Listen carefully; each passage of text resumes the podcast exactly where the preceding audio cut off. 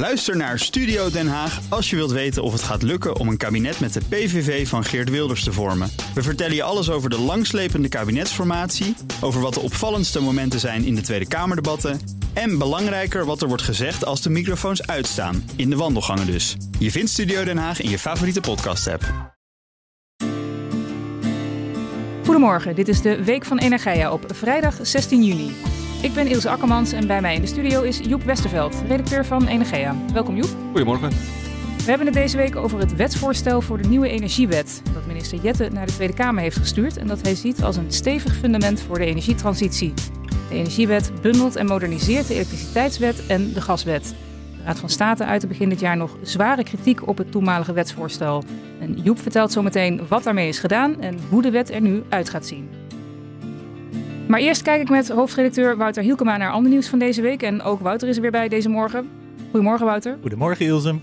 Welke onderwerpen sprongen er voor jou uit in het energienieuws van deze week? Ja, Ilse, omdat we verwachten dat we over de energiewet lang door zullen praten, hebben we vandaag maar twee nieuwsitems. En dat zijn. Slechts een klein deel van de gemeente heeft warmteplannen die klaar zijn voor de uitvoeringsfase. De meeste plannen zijn nog in de verkennende en onderzoekende fase, concludeert het Planbureau voor de Leefomgeving. En netbeheerders doen opnieuw een beroep op bedrijven in de provincies Flevoland, Gelderland en Utrecht om hun stroomverbruik flexibel te maken. Zo moet meer ruimte ontstaan op het overvolle elektriciteitsnet. Ja, de netcongestie bezorgt bedrijven problemen. Laten we beginnen met je eerste onderwerp. Van de warmteplannen van de gemeente is nog maar een heel klein deel klaar voor uitvoering. De meeste plannen zijn nog in de verkennende fase, concludeert het Planbureau voor de Leefomgeving. Wouter, het schiet niet op met de warmteplannen in Nederland dus. Wat was de opdracht aan gemeenten? Ja, die opdracht volgde uit het Klimaatakkoord van 2019.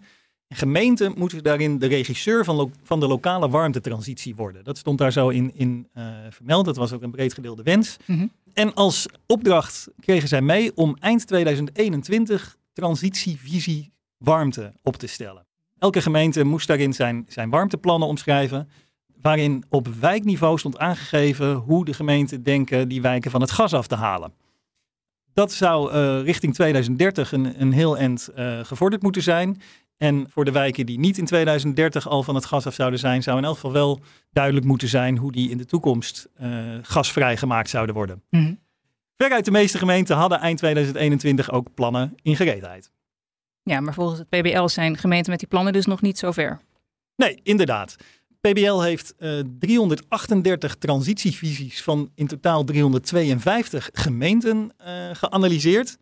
En um, heeft daarna gekeken naar welke technische keuzes zijn gemaakt, wat zijn de randvoor, randvoorwaarden voor uitvoering en dergelijke. En kwam tot de ontdekking dat 74% geen kwantitatief doel heeft geformuleerd. Dus niet heeft gezegd hoeveel huizen of hoeveel, welk percentage van de gemeente op dat moment uh, verduurzaamd is of van het gas af is gehaald. Technische keuzes ontbreken in veel gevallen, tijdpaden ontbreken. Uh, wij spraken met uh, PBL-onderzoeker Volkert van der Molen. En die zei van ja, er zijn voorbeelden van plannen waar, waar dan in staat... wij streven naar een duurzame wijk. Punt. Ja, dat is heel nobel en fijn voor gemeenten. Maar dat, uh, dat is natuurlijk niet een plan waarmee je een, een wijk van het gas afhaalt. Hm. Slechts 10% van de gemeenten heeft echt in, de, in het onderzoek van PBL concrete plannen. En waar heeft dat mee te maken dat die plannen nog uh, zo weinig concreet zijn? Zegt het PBL-rapport daar wat over? Um, ja, gemeentes die, die worstelen gewoon met, uh, met deze opdracht. Uh, het is ook niet makkelijk natuurlijk. Er moeten mensen voor vrijgemaakt worden. Um, nou ja, je moet lokaal moet je, moet je draagvlak creëren. Er zijn verschillende visies op hoe het moet. Financiën is een belangrijke obstakel. Uh, 80% van de gemeente geeft aan dat financiën een van de drempel, als een, als een drempel wordt ervaren. Dan zijn er dus zorgen over de betaalbaarheid van, van de plannen. Um, er wordt gevraagd om een rijksbijdrage, omdat het anders niet lukt. Uh, de uitvoeringslasten, hè, de, het aantal ambtenaren wat hiermee uh, gemoeid is, dat is, dat is niet gering. Ja, die moeten ook allemaal betaald worden. Nou, dat is ook niet helemaal aan dovermans oren gericht. Uh, we hebben dat eerder in, de podcast ook, in deze podcast ook wel eens besproken, dat het Rijk voor de komende drie jaar 1 miljard beschikbaar heeft gesteld om extra medewerkers, gemeentemedewerkers aan te nemen, om dit in goede banen te leiden. Maar ja, goed, die zijn er nu nog niet. De analyse van het PBL was de situatie uh, eind vorig jaar, als ik het goed heb. En er is ook veel onzekerheid bij de, bij de gemeente over bijvoorbeeld mag biomassa nou nog gebruikt worden of niet in de, in de warmteplannen? Mhm. Uh, hoe gaat het verder met waterstof? Uh, groen gas, is dat beschikbaar of niet? Dus er is veel, veel onzekerheid over financiën en over de, de inhoud van de plannen. Ja, gaan we naar je tweede onderwerp. De hernieuwde oproep van netbeheerders aan bedrijven in de provincies Flevoland, Gelderland en Utrecht om hun stroomverbruik flexibel te maken. Daarmee willen ze meer ruimte creëren op een overvol elektriciteitsnet. Wouter, een nieuwe oproep van netbeheerders aan bedrijven in die provincies. Eerder deed Tennet dat al in november van afgelopen jaar. Het net is vol, zoveel is duidelijk. Wat was het effect van die eerste oproep? Ja, niet voldoende. Vandaar de nieuwe oproep. In deze provincies die je noemt, daar zijn Tennet, Stedin en Liander zijn de, zijn de netbeheerders uh, die daar een oproep doen. Uh, deze week was ook Enexis in de Telegraaf, uh, die oproep deed voor Overijssel.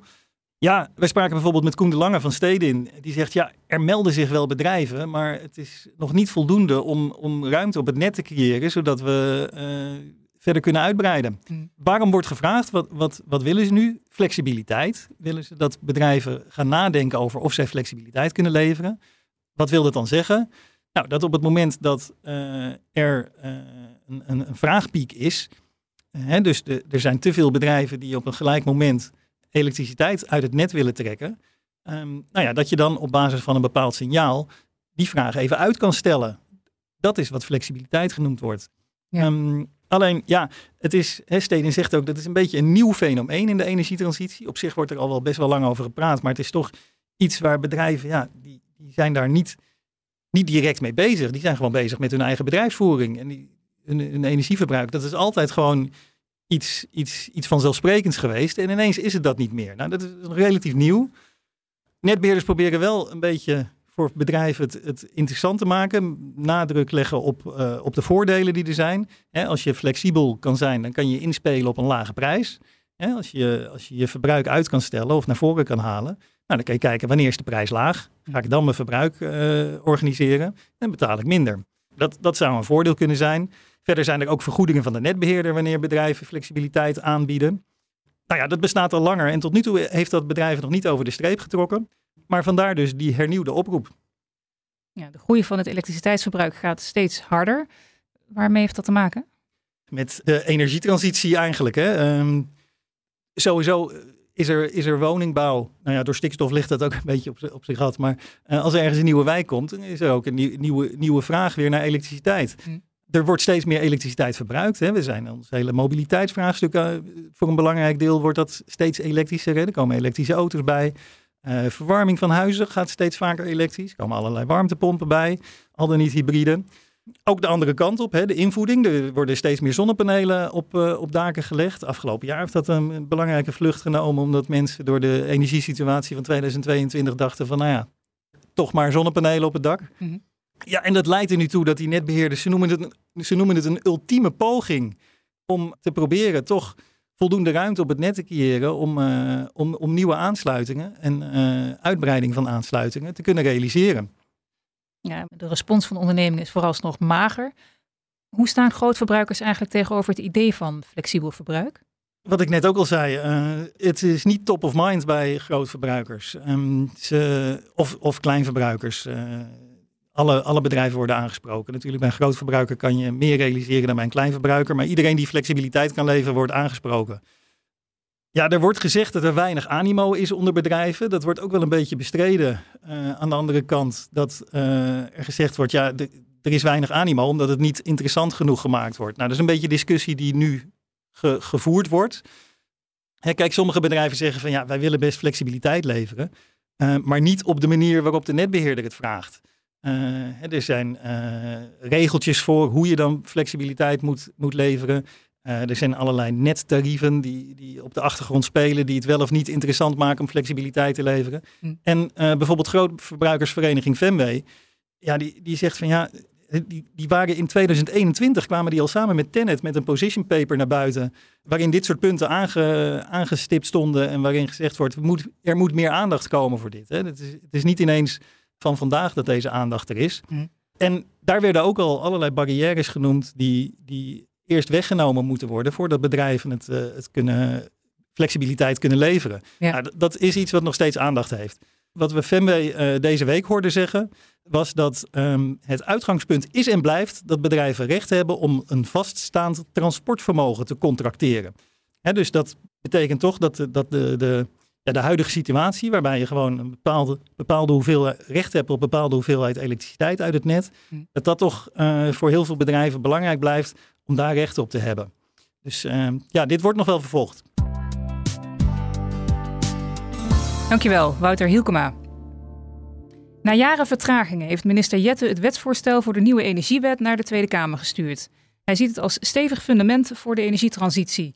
De Raad van State uitte begin dit jaar nog zware kritiek op het toenmalige wetsvoorstel. Met redacteur Joep Westerveld praat ik in deze aflevering over wat er met die kritiek is gedaan en hoe de wet eruit gaat zien. Joep, laten we het eerst even hebben over wat eigenlijk het idee is achter de nieuwe energiewet. Waarom komt die er? Ja, het, um, het kabinet ziet het eigenlijk als een soort uh, groot onderhoud van de wetgeving op het gebied van uh, elektriciteit en gas. Uh, dat zijn dus nu twee losse wetten. En um, het is eigenlijk een, een, hele oude wens van het ministerie om, om die twee samen te voegen. Mhm. Beide wetten zijn in de jaren negentig ontwikkeld. En sindsdien heb je natuurlijk de verduurzaming gehad, die echt is losgekomen. En ook de eenwording van de Europese markt. Uh, is een thema wat heeft gespeeld. Dus er zijn, die twee wetten zijn de afgelopen decennia al steeds aangepast. En ja, eh, minister Jette die zegt daarover van ja, dat, dat, dat is gewoon ten koste gegaan van de inzichtelijkheid en de structuur en de consistentie van die wetten. Dus ze willen nu die twee wetten eigenlijk min of meer samenvoegen. En dan gewoon een soort update geven, waardoor er weer uh, meer duidelijkheid ontstaat voor de deelnemers aan het energiesysteem over wat hun taken zijn en hun rechten en hun plichten, et cetera. Ja, het wetsvoorstel heeft even op zich laten wachten.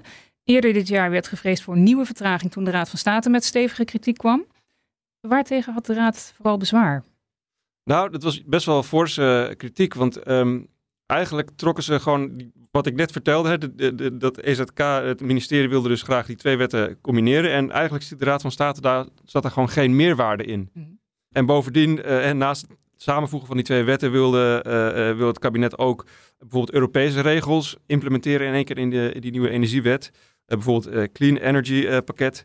Uh, en ook uh, onderdelen van het klimaatakkoord, die moeten dan in één keer verwerkt worden in die uh, nieuwe energiewet. En de Raad van State zei eigenlijk, ja, dat zijn veel te veel doelen. Je kan dat veel beter bijvoorbeeld die, die Europese reg regelgeving eerst in een aparte wet doorvoeren en dan vervolgens de energiewet apart doorzetten. Mm. En ja, en, en als het kabinet dat niet wil en toch door wil zetten op deze manier, ja, dan moeten ze toch tenminste met een goede uitleg komen. Ja. Ja, want Jette heeft dus toch doorgezet en nu ligt er een nieuw wetsvoorstel. Zijn er aanpassingen gedaan vergeleken met de vorige uh, versie? Nou, ze hebben wel op, op punten hebben ze wel uh, geluisterd naar de kritiek van de Raad van State. Uh, maar dat is dan vooral bijvoorbeeld dat ze nu wat duidelijker onderscheid hebben gemaakt tussen Europese en nationale thema's in de wetgeving. duidelijker onderscheid tussen bestaande en nieuwe regelgeving. Maar in de basis, dus het samenvoegen van die twee wetten en, en ook het, het, het, het combineren met het doorvoeren van Europese regelgeving, dat, dat staat nog gewoon. Mhm. Dus ja, dus, dus toen moest uh, Jette met een uitleg uh, komen. En hij zegt dan van ja, die, die combinatie heeft toch wel degelijk meerwaarde volgens hem. Uh, een voorbeeld is bijvoorbeeld in de Europese regelgeving is meer meegenomen dat er een sterker onderscheid moet komen van verschillende type afnemers. Dat is dan op het gebied van elektriciteit. Het kabinet heeft dat onderscheid meteen ook doorgevoerd voor gas. En zij zeggen van oké, als, als we dat gelijk trekken, dan is dat duidelijker voor bedrijven en, en consumenten. Mm en hij zegt bovendien van als we de Europese regelgeving eerst apart in een, in een, een aparte wet zouden uh, doorvoeren, dan komt er weer vertraging. En dat is gewoon uh, onwenselijk. Ja, en in het wetsvoorstel uh, zijn voor Jette drie hoofdthema's het belangrijkste. Kun je daar wat meer over vertellen? Ja, hij noemt inderdaad drie thema's. eerste is toekomstgericht systeembeheer, mm -hmm. zoals we dat noemen. Dus in de, in de wet is het woord netbeheer vervangen door systeembeheer. Tweede is een versterking van de positie van de consument. En de derde gaat over data-uitwisseling. Nou, even kort een beetje uitleg te geven. Toekomstgericht systeembeheer gaat onder andere heel erg over de aanpak van netcongestie. Een van de grote problemen. En bijvoorbeeld dat uh, systeembeheerders dus uh, prioriteit kunnen geven aan uh, de noodzakelijke uitbreidingsinvesteringen die nodig zijn mm -hmm. om die congestie tegen te gaan. Dat gaat dus even voor de duidelijkheid over, niet, niet over wie wie krijgt er als eerste uh, een aansluiting, maar over welke uitbreidingen van het net krijgen voorrang. Nou, daar zijn al regels over gemaakt in een ministeriële regeling. Maar die regels worden dus nu overgenomen in de wet. Nou, bijvoorbeeld op het, de positie van de consument. Hè, dan zeggen ze, daar willen we betere bescherming van consumenten. Nou, dat is ook, deels komt dat voor uit Europese regels. Het wordt ook makkelijker voor uh, consumenten om actief te worden op de elektriciteitsmarkt. Mm -hmm. Bijvoorbeeld door uh, uh, zonne-energie te verkopen die ze zelf opwekken of deel te nemen aan flexibiliteitsdiensten. En dan hebben we nog data-uitwisseling. Ja, dat is het derde thema op, op dat gebied. Er zijn zoveel veranderingen in, op het gebied van duurzaamheid. je krijgt steeds meer flexibele contracten, vraagrespons. Afnemers worden actiever zelf. je hebt energiegemeenschappen. Nou ja, al dat soort ontwikkelingen leiden ertoe dat er veel meer data-uitwisseling plaats gaat vinden. Mhm. En tot nu toe was er gewoon geen goede wettelijke grondslag om dat op een goede manier te doen. Er zijn wel codes voor ontwikkeld. Dat doet de ACM dan samen met, de, uh, met de sector. Mm -hmm. maar nu is dat dus ook opgenomen in de energiewet. Ja. ja, de sector keek uit naar het wetvoorstel voor de nieuwe energiewet. Ook omdat die duidelijkheid zou geven over een aantal heikele onderwerpen. Wat zijn daarvan voorbeelden in het kader van die drie thema's die je net noemde? Een voorbeeld op het gebied van de systeembeheerders is um, uh, dat, dat er nu de mogelijkheid komt om alternatieve contractvormen uh, uit te werken. In jargon uh, zijn dat de, de zogenoemde non-firm ATO's. Dus dat wil eigenlijk zeggen dat als je nu een transportovereenkomst sluit voor een bepaalde capaciteit op het elektriciteitsnet, dan moet die capaciteit op elk moment gegarandeerd beschikbaar zijn. Hm. terwijl als je een batterij, een grote batterij wil aanleggen, dan in principe gebruik je die om te laden als er een overschot is aan elektriciteit en te ontladen als er uh, te weinig elektriciteit is. Dat, dat zou dan niet hoeven te botsen. Um, maar dat doet het dus nu wel, omdat die capaciteit altijd gegarandeerd uh, beschikbaar moet zijn. Nou, ja. de, de, de wet die maakt het dus mogelijk om uit te werken dat dat, uh, dat soort dingen flexibeler worden opgezet. Mm -hmm. En de toezichthouder heeft daar al een voorschot op genomen. Hè, die wist dat dit eraan zat te komen. Uh, en die is in oktober al begonnen met een voorstel om deze alternatieve contractvormen uh, uit te werken. Er is ook al een voorbeeld uh, in Zeeland van een consortium dat inderdaad een batterij wilde neerzetten. En die met de lokale netbeheerder daar hebben afgesproken dat ze hem dus alleen opladen op momenten dat het, dat het kan en ontladen op momenten dat het kan. Ja. Heb je ook een voorbeeld op het gebied van de positie van de consument? Ja, een, uh, een voorbeeld op dat gebied is bijvoorbeeld de terugleververgoeding uh, voor uh, stroom, hè, die, die je na het salderen terug kan leveren aan het net. Er komt in de energiewet te staan dat het, de vergoeding daarvan tenminste 80% moet zijn van het kale tarief, kale afnametarief. Mm -hmm. En minister Jette die behoudt zich nog de mogelijkheid voor om eventueel later een absolute prijs in te stellen als een soort minimumtarief. Kanttekening daarbij is wel dat dit, dit, gaat gebeuren als de salderingsregeling wordt afgeschaft. Daar heeft de Tweede Kamer al voorgesteld, maar, eh, voorgestemd, maar dat ligt nog in de Eerste Kamer. Ja. En, en, als dat dus niet gebeurt, dan blijven de regels op het gebied van saldering hetzelfde. En voor de terugleveringsvergoeding zou dat dan betekenen dat, dat, dat het dan een beetje blijft bij een niet gedefinieerde redelijke vergoeding die je moet krijgen voor die teruggeleverde stroom. Ja, en dan heb je nog data-uitwisseling. Ja, een uh, aansprekend voorbeeld daar denk ik is de collectieve slimme meterallocatie. Daar heeft Wouter toevallig over geschreven, dus misschien kun jij uitleggen hoe dat precies zit. Uh, ja, zeker. Heel in het kort komt erop neer dat netbeheerders nu slimme meters bij, bij huishoudens mogen ze, tenminste als deze wet wordt aangenomen uiteindelijk, hè, mogen netbeheerders slimme meters gaan uitlezen bij huishoudens die daar toestemming voor hebben gegeven, om die data vervolgens te gebruiken om uh, ja, bijvoorbeeld onbalanskosten te verrekenen. Wat wordt ermee bedoeld? Um, het net moet voortdurend in balans zijn.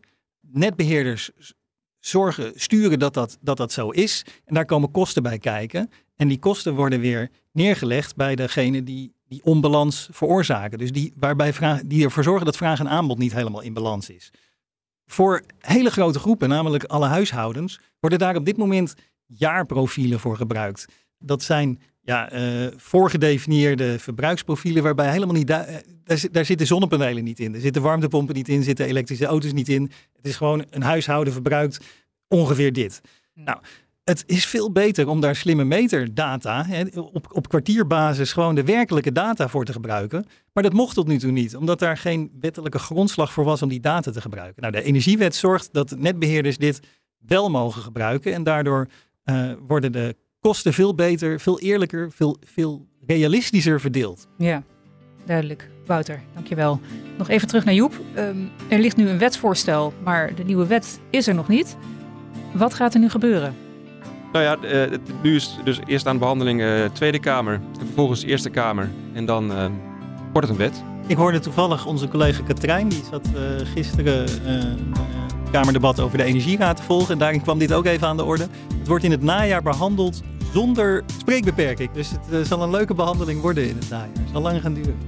Dankjewel Joep Westerveld en dankjewel ook Wouter Hielkema. Dit was de Week van Energia met de laatste ontwikkelingen in de Nederlandse energiesector. Op energia.nl lees je meer. We zijn benieuwd waarover je in deze podcast meer wilt horen. Laat het ons weten via podcast.energia.nl. Mijn naam is Ilse Akkermans. Fijn dat je luisterde en tot volgende week.